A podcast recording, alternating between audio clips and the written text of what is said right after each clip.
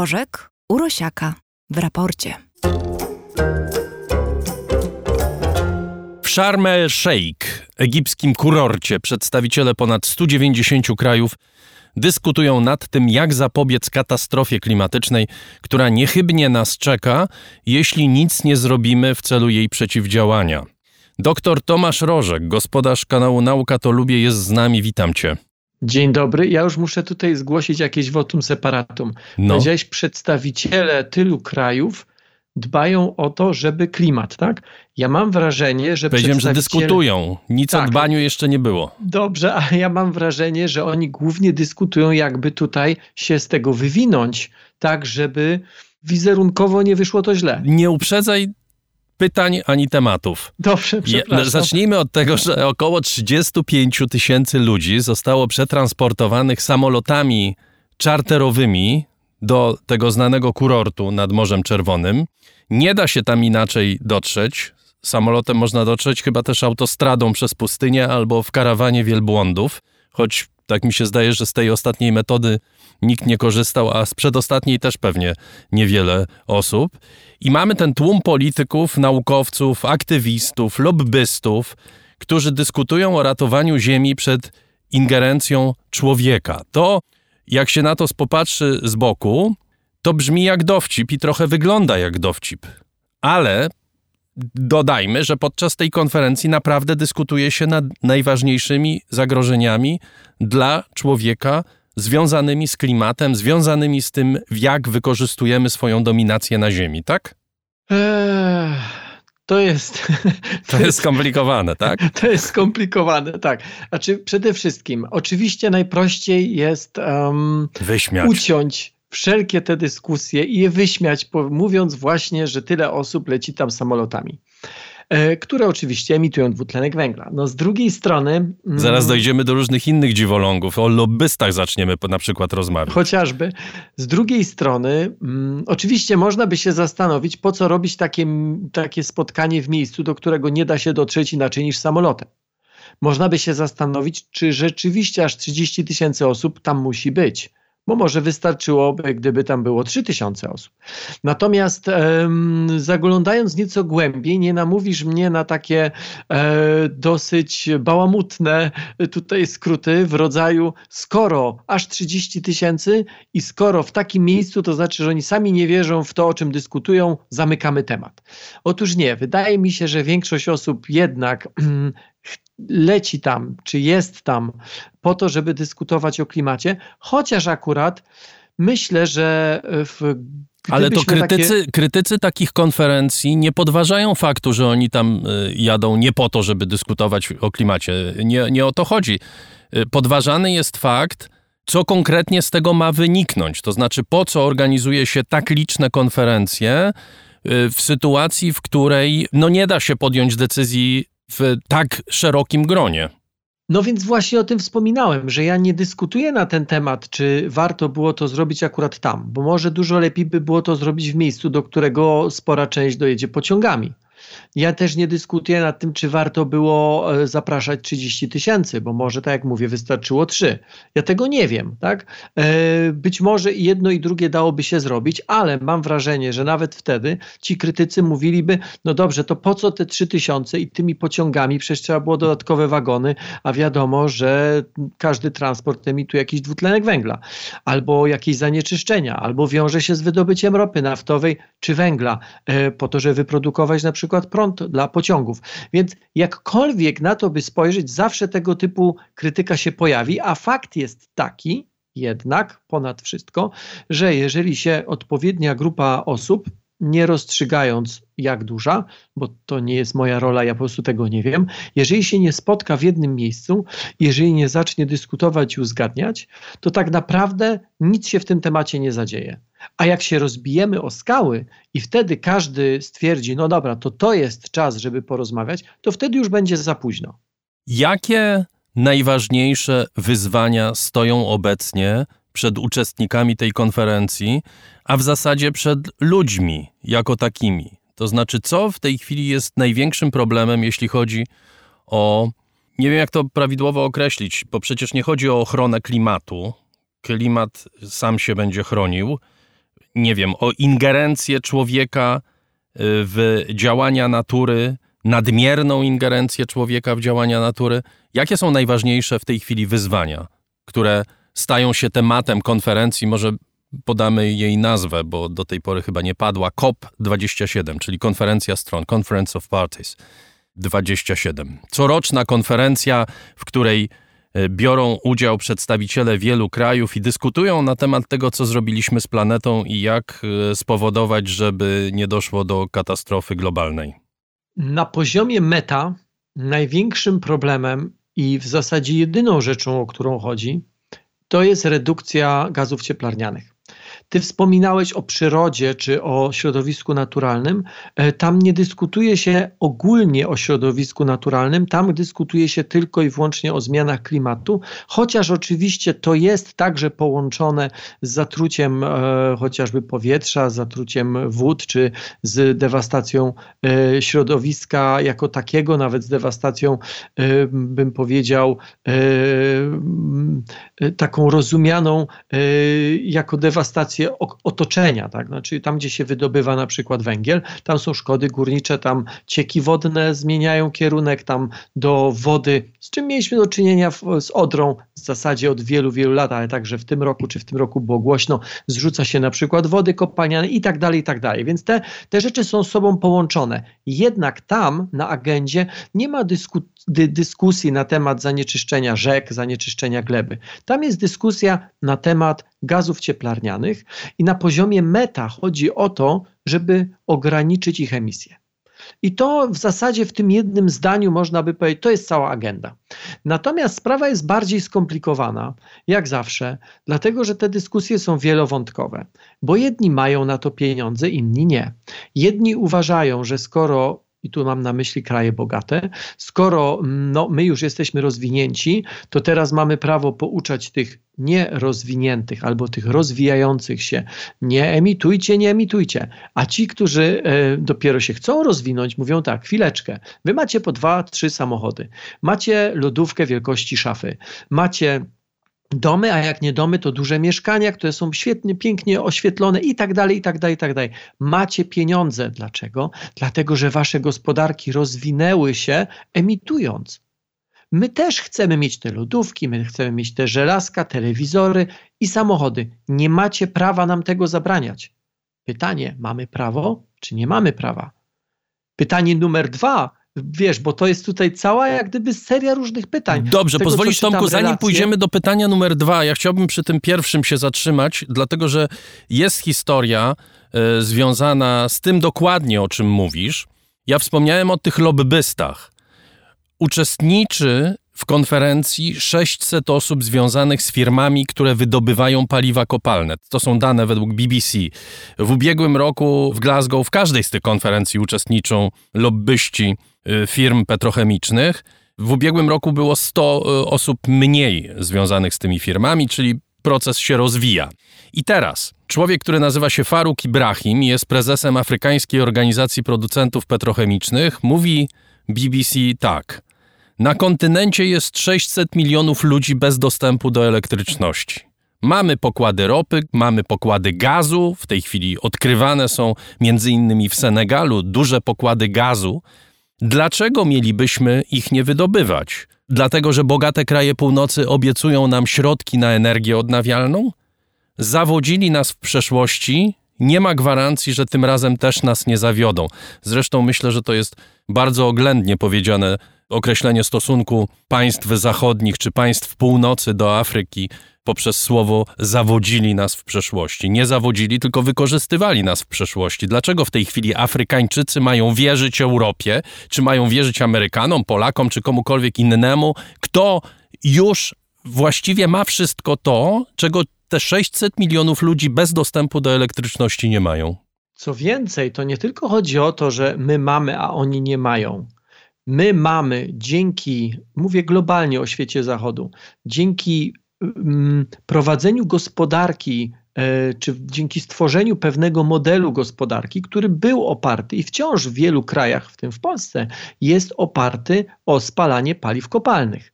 Czyli to nasze, mm, to nasze bogactwo w porównaniu chociażby z krajami afrykańskimi, ono jest wybudowane przez emisję czy dzięki emisji gazów cieplarnianych które są z kolei problemem, o którym tam się dyskutuje.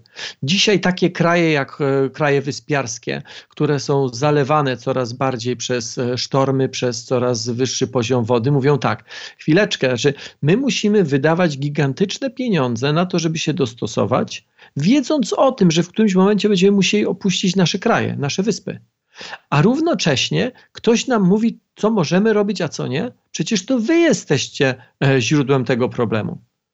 Jeden z premierów takiego malutkiego kraju wyspiarskiego wspominał o tym, że przemysł petrochemiczny czy przemysł wydobywczy e, każdego dnia zarabia około 3 miliardów dolarów. Każdego dnia. A wczoraj wybuchnęła e, na jednym, na jednym z paneli kłótnia o to, że kraje zachodnie, te bogate, wcale nie chcą dawać pieniędzy tym biednym, albo chcą dawać jakieś bardzo małe kwoty pieniędzy tym biednym no, na zabezpieczenie. No bo tutaj ja jak gdyby wspominałem o tym dwutlenku węgla, ale też ważne jest to, że my nie jesteśmy w sytuacji, w której coś się dzieje i skutki będą za 20 lat, więc na razie się nimi nie musimy przejmować. Jesteśmy w sytuacji, w której te negatywne skutki już są, niektórych dotykają dużo bardziej niż innych. Paradoks i nieszczęście, i nie wiem, jakaś niesprawiedliwość dziejowa powoduje, że najbardziej dotykają akurat tych, którzy mają najmniej. Akurat tych, którzy w ogóle do tego pieca nie dokładali, a najmniej dotykają tych, którzy dołożyli najwięcej. Tomku, być może warto, żebyśmy y, konkretnie powiedzieli, bo pewne decyzje już zostały podjęte. Decyzje dotyczące pieniędzy zostały podjęte w 2009 roku. Tak. To wtedy państwa bogate zgodziły się przeznaczyć 100 miliardów dolarów na pomoc dla państw biednych, dla państw południa, nazwijmy to, w dostosowaniu się do nowych technologii, nie niszczących klimatu. I te państwa północne miały 10 lat, 100 miliardów dolarów dla państw, które od początku XIX wieku zatruwają atmosferę po to, żeby nowe państwa, które chciałyby osiągnąć poziom technologiczny czy poziom rozwoju materialnego porównywalny z północą, to wcale nie jest dużo. To jest nic. Te państwa miały 10 lat, terminu nie dotrzymano, teraz nowy termin to jest 23 rok i to jest wojna polityczna pomiędzy południem a północą, między krajami bogatymi a biednymi. Wojna polityczna, w której chodzi o pieniądze po prostu. Tak, i dlatego powiedziałem przed chwilą, że wczoraj była awantura właśnie o to, że nawet te 100 miliardów, które jest po prostu jak, y, nie wiem, no, mrugnąć okiem dla y, państw y, tych dużych, tych bogatych, a równocześnie to jest absolutnie nic, jak pomyślimy o tym, że te 100 miliardów miałoby zasilić e, Azję Środkowo-Wschodnią, miałyby zasilić Afrykę, miałyby zasilić e, kilka krajów Ameryki Środkowej, Ameryki Południowej, to jest absolutne nic, a nawet tego nic nie dotrzymano. Więc była awantura. Nie wiem, czy ona się na dzisiejszy dzień też przekłada, bo z dzisiaj jeszcze nie czytałem e, relacji, ale wczoraj była. E, bo e, to, co ty zacytowałeś przed chwilką, a przed dwoma chwilkami, o czym ja wspomniałem, że to jest tak naprawdę konflikt. Ja nie wiem, jak go rozwiązać. To znaczy, ja wiem, po której stronie jest racja Natomiast wiem też, że racja bardzo rzadko, e, czy, czy inaczej, kategorie racji bądź błędu bardzo rzadko są brane pod uwagę w polityce międzynarodowej. To ciekawe, to, e, to po czyjej stronie jest racja? Może byś powiedział, bo ja nie wiem, po czyjej stronie jest racja. To znaczy, trudno mi. Y, racja naukowa jest po stronie naukowców, racja społeczna jest po stronie ludzi, którzy chcieliby mieć światło w domu. Oni nie muszą być specjalistami od klimatu Jasne. I, i nie musimy ich winić za to, że po prostu chcą mieć światło, wszystko jedno jakimi sposobami. No i tu jest właśnie klucz, bo alternatywa pokazywana bardzo często, że albo spalamy węgiel, albo nie mamy światła, jest alternatywą fałszywą. Jeżeli chcemy mieć prąd tanio, to wtedy tak, to wtedy spalamy węgiel albo, albo wykorzystujemy gaz. Bo on jest u nas. Jeżeli jednak ktoś nam pomoże e, stworzyć technologię albo nam sprzeda, ale nie sprzeda e, z zyskiem ogromnym dla siebie, e, tylko nam po prostu przekaże technologię, dzięki którym my ten prąd możemy mieć nie spalając węgla, to będziemy mieli i prąd i nie będziemy mieli emisji.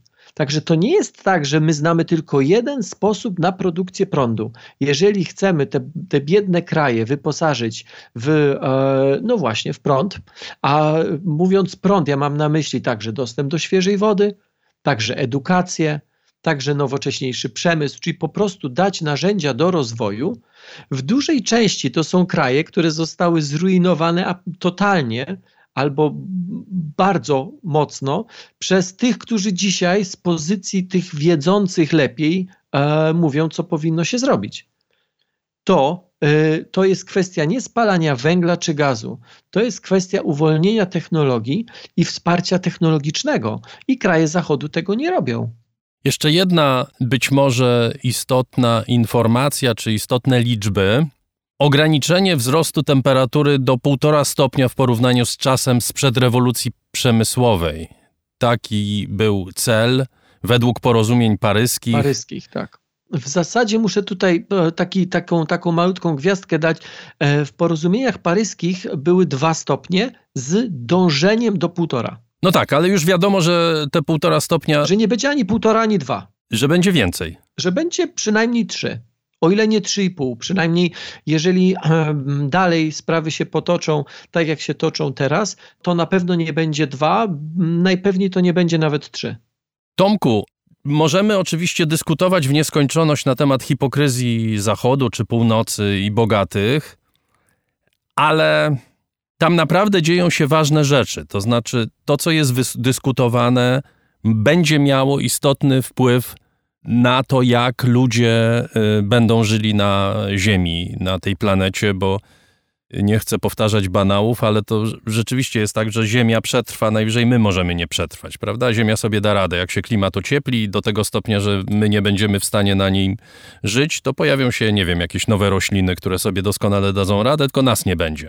Wszystko zależy, co masz na myśli mówiąc my, bo jeżeli mówisz my ludzie jako, jako gatunek, to ja y, nie mam wątpliwości, że my jako gatunek te trzy i nawet Przetrwamy. wyżej przetrwali. Przetrwamy. Ale, mhm. Tak, ale my jako gatunek, a nie my jako na przykład biedni mieszkańcy Indonezji. Tak, tak. My sobie pobudujemy schrony i się tam będziemy chować. Pobudujemy schrony. Jakie to będzie życie, to, to, to, to już jest zupełnie inna sprawa, ale, ale to nas nie zabije jako gatunku.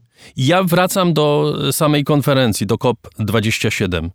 Jak oddzielić to, co ważne, od tego całego greenwashingu, od tego celebryctwa, od pytań nie na temat, od kłótni politycznych, które nie mają istotnego wpływu na istotę rzeczy. Jak to wszystko y, zrobić? Nie wiem. Dziękuję. No mówię ci szczerze, co cię będę okłamywał. Po prostu nie wiem, to jest wszystko z sobą tak powiązane, a przede wszystkim, no bo można by powiedzieć, wyrzućmy stamtąd polityków.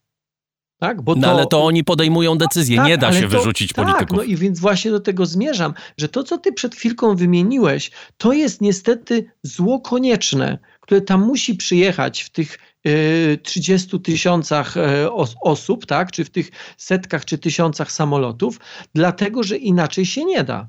Inaczej się nie da, dlatego że to ci politycy podejmują decyzje.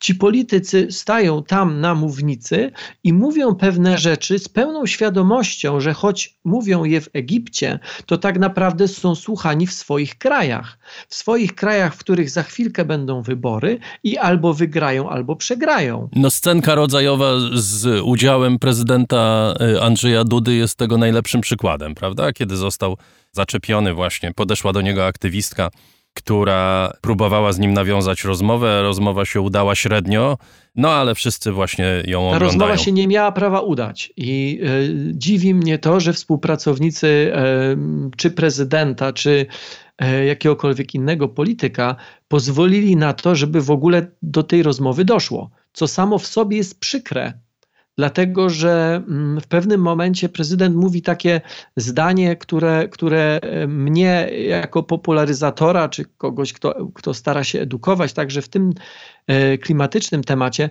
e, prezydent mówi: Proszę mnie nie zasypywać argumentami. To znaczy, jeżeli nie mamy podawać argumentów, to co mamy podawać? I to jest y, być może dobry moment, żeby powiedzieć, że my właściwie rozmawiamy tylko po to, żeby powiedzieć, że nie ma prostych odpowiedzi na te pytania, które stawiane są nie tylko na tym szczycie, ale właściwie cały czas są stawiane, które dotyczą sposobu funkcjonowania człowieka y, w klimacie, który się zmienia, prawda? Możemy w jasny, czytelny sposób powiedzieć, co mówi nauka. Natomiast konsekwencje każdej decyzji są bardzo skomplikowane, bardzo trudne, wiążą się ze sprawami społecznymi, ze sprawami politycznymi, y, muszą być realizowane przez ludzi, którzy są pełni słabości, czasami niewiedzy, czasami właśnie hipokryzji. I to wszystko na takim szczycie, właśnie organizowanym w tym dziwnym miejscu, gdzie ludzie przyjeżdżają głównie nurkować, to jeszcze bardziej jakby podkreśla no troszeczkę absurdalność tej całej historii. Znaczy tak, zgodzę się z tym, co przed chwilką powiedziałeś. Do tego jeszcze bym dołączył, bo mówiąc, bo ty mówiąc ludzi pełnych hipokryzji, e, być może miałeś na myśli właśnie tych, którzy tam przyjechali, czy część z nich, w tym polityków, e, a ja bym do, do nich jeszcze dołączył tych e, także pełnych hipokryzji, w tym nas, pełnych hipokryzji, którzy z jednej strony chcą, żeby klimat się nie zmieniał, albo szerzej mówiąc, chcą, żeby środowisko naturalne było jak najbardziej e, zielone albo jak najbardziej naturalne, ale z drugiej strony zachowują się rzadko e, w taki sposób, żeby rzeczywiście się to działo. Mówią, to ci inni powinni, tak? to ci politycy są hipokrytami. No ale przepraszam, e, głosuje ktoś na nich, kto ma wiedzę na temat zmian klimatu, czy nie? Czy jeżeli kupujemy, czy my robiąc zakupy, mamy z tyłu głowy mm, kwestię środowiska naturalnego, czy nie? A jak wybieramy kolejny samochód, czy um, bardzo się ekscytujemy tym, że ma jeszcze większy silnik, czy nie? To są te pytania, bo politycy są na samym końcu tego, że tak to imię łańcucha pokarmowego. Oni podejmują pewne decyzje, patrząc co i rusz w słupki poparcia. Y, można to krytykować bądź nie, no ale te słupki poparcia, one pochodzą od nas. I one by inaczej wyglądały, gdyby świadomość społeczna problemu była większa. A tymczasem w Polsce, nie sięgając daleko, wśród młodych ludzi z ostatnich badań wynika, że wśród młodych ludzi świadomość związana ze zmianami klimatu niestety jest coraz mniejsza. Co mnie osobiście zszokowało, jak to przeczytałem, to przeczytałem to przy okazji takiej konferencji, która odbywała się w Katowicach, w której brałem udział. E, to była konferencja Prekop 27, 3 czy 4 tygodnie temu. Odpowiadałem tam, czy opowiadałem tam o edukacji e, klimatycznej i jeden z panelistów właśnie jeszcze nieopublikowany raport mm, e, zacytował, że w Polsce świadomość wśród młodych ludzi jest coraz mniejsza zmian klimatu. No tak, ale nie chodzi o to, że teraz, że będziemy zrzucać winę na młodzież. Nie, będziemy zrzuc powinniśmy zrzucać winę na wszystkich w odpowiednich proporcjach. A koniec końców wszystko y, zaczyna się i kończy się w portfelu. I zarówno na tym poziomie takim osobistym, osobistych decyzji, jak i na poziomie państw czy całych regionów. Bo My nie mówimy o sytuacji, w której nie ma wyjścia, musimy spalać e, węgiel, gaz, ropę i tak dalej. Nie, dzisiaj są technologie, dzięki którym można produkować um, prąd elektryczny, energię w sposób, który nie obciąża gazami cieplarnianymi. W zeszłym tygodniu rozmawialiśmy o jednym Na z takich sposobów. Jednej z nich, ale takich technologii może być więcej. W krajach afrykańskich można wykorzystywać technologie solarne, tylko że one są drogie tych państw po prostu na to nie stać. I ja się nie dziwię tym państwom biednym, gdzie na przykład poziom umieralności noworodków jest taki, jak u nas już dawno, dawno, dziesiątki lat temu nawet nie był, gdzie oni mówią chwileczkę, zostawiacie nas z tym samych, a na nas zrzucacie odpowiedzialność. My się na to nie godzimy. Ja bym się też nie godził. Dla człowieka, który patrzy na to z zewnątrz i który się nie zna e, na większości z rzeczy, o których jest mowa w Sharm el Sheikh, jakbyś pokierował kimś takim, który chciałby wiedzieć, co będzie sukcesem albo porażką tego co szczytu. tam się zadzieje, tak? Nie, co, jeżeli, jeżeli ten szczyt miałby odnieść sukces, to co by to było, a jeżeli będzie porażką, to co to będzie? Już na samym początku było wiadomo, że ten szczyt nie odniesie żadnego sukcesu. Aha. Dlatego, że dodatkowy element, który dla jednych jest argumentem, że powinno się mocniej na te sprawy zwracać uwagę, a dla drugich dokładnie ten sam, to samo wydarzenie z argumentem, że powinno się zatrzymać i odwiesić rozmowę o klimacie, jest wojna na Ukrainie. Jedni mówią, mamy kryzys energetyczny, więc nie czas teraz na to, żeby robić jakieś cięcia. I to jest kolejny dobry argument zresztą, dodajmy. Tak, oczywiście, że tak. A drudzy mówią, te cięcia są potrzebne właśnie dlatego, że jest kryzys energetyczny. Gdyby te cięcia, gdyby te zmiany technologiczne, także w Polsce, były zrobione wtedy, kiedy powinny były być zrobione, czyli 10-15 lat temu, w Polsce elektrownia jądrowa miała być wybudowana 50 lat temu, czy 45, kilkadziesiąt lat temu. To dzisiaj nie mielibyśmy tego kryzysu. Więc nie zajmujmy się gaszeniem tylko pożaru, tylko zajmujmy się, zajmijmy się w końcu y, tym, żeby te pożary nie wybuchały dalej, a będą wybuchały dalej.